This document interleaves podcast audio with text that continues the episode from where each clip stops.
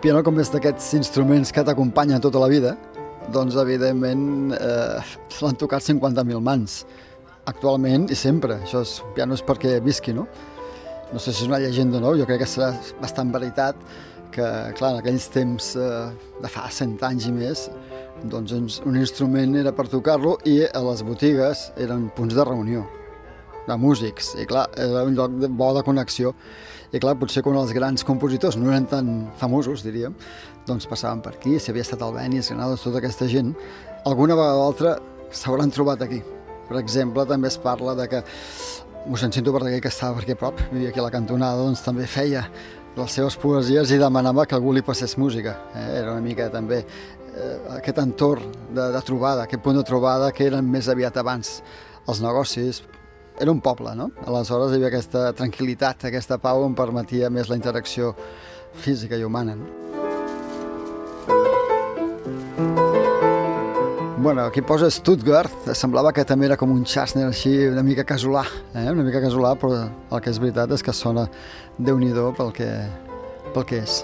Jo diria que, que està fet aquí, però amb aires de fora, com passava molt en aquells temps, no? I, bueno, i passa a vegades, que sembla que és més lluït si poses un nom de fora que si, si ets de casa.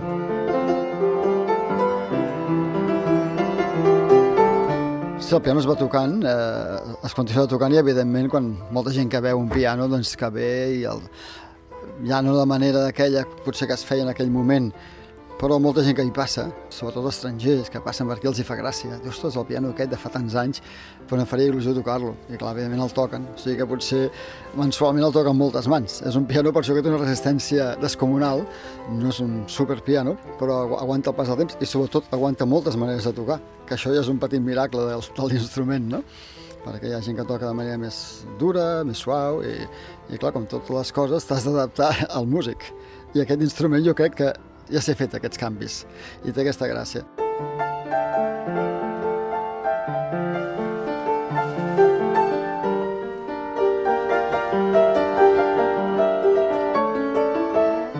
Restaurat no, perquè no sé, està com acomodat aquest, aquesta posició i no sé si millor no tocar-lo, però sé, evidentment afinat sí, perquè és de fusta i aleshores es desafina amb una certa facilitat.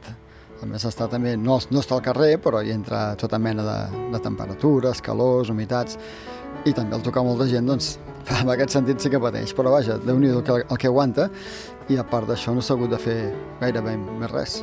Potser alguna corda, però no està malament, aguantant molt per la, per la feina que ha fet i que fa.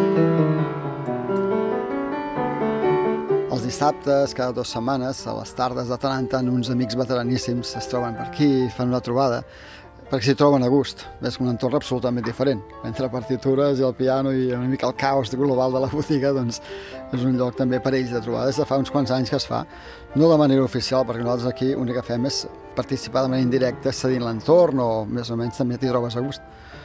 No és oficial, és una cosa natural, que és el que potser la música li cal, no? que les, la música es faci sense cap mena d'intervenció externa, sinó que sigui viscuda de manera per la gent.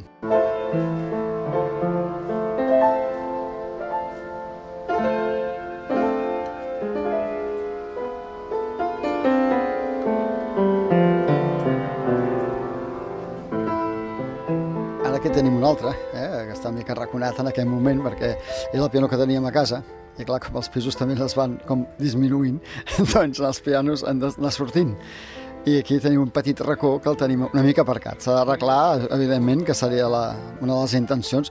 És un piano pianola, de fa també 70-80 anys, però s'ha d'arreglar perquè, clar, si no està afinat no, no, no sona bé. I aleshores ens agradaria donar-li vida, perquè els pianos han d'estar de, tocats perquè visquin.